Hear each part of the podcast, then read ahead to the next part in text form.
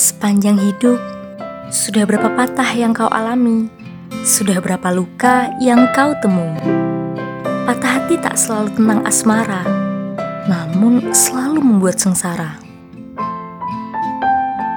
Kamu perlu tahu bahwa patah bukan berarti lemah, patah juga bukan berarti akhir. Ranting yang patah saja akan tumbuh kembali menjadi ranting baru yang semakin kuat.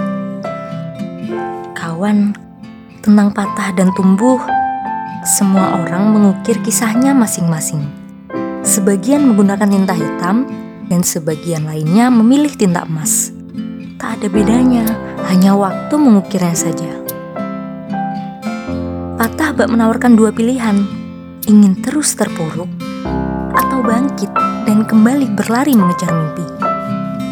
Bagi mereka yang memilih bangkit, ada keyakinan kuat dalam diri bahwa setiap kisah akan menemukan ujungnya, pun dengan setiap patah akan menemukan obatnya.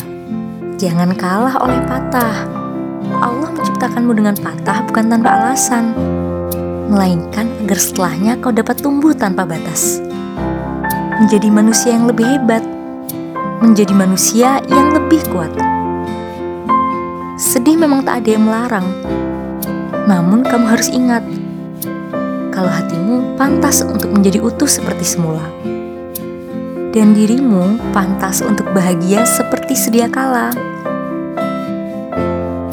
Kawan, satu hal yang harus kau genggam erat. Lantunan doa yang terpanjat kuat akan menembus tapal batas ketidakmungkinan dan perlahan-lahan akan menjadi obat mujarab apa-apa yang menjadi sakit karena patah, termasuk hatimu. Kamu bisa bangkit Pasti bisa. Sampai jumpa di hati yang baru.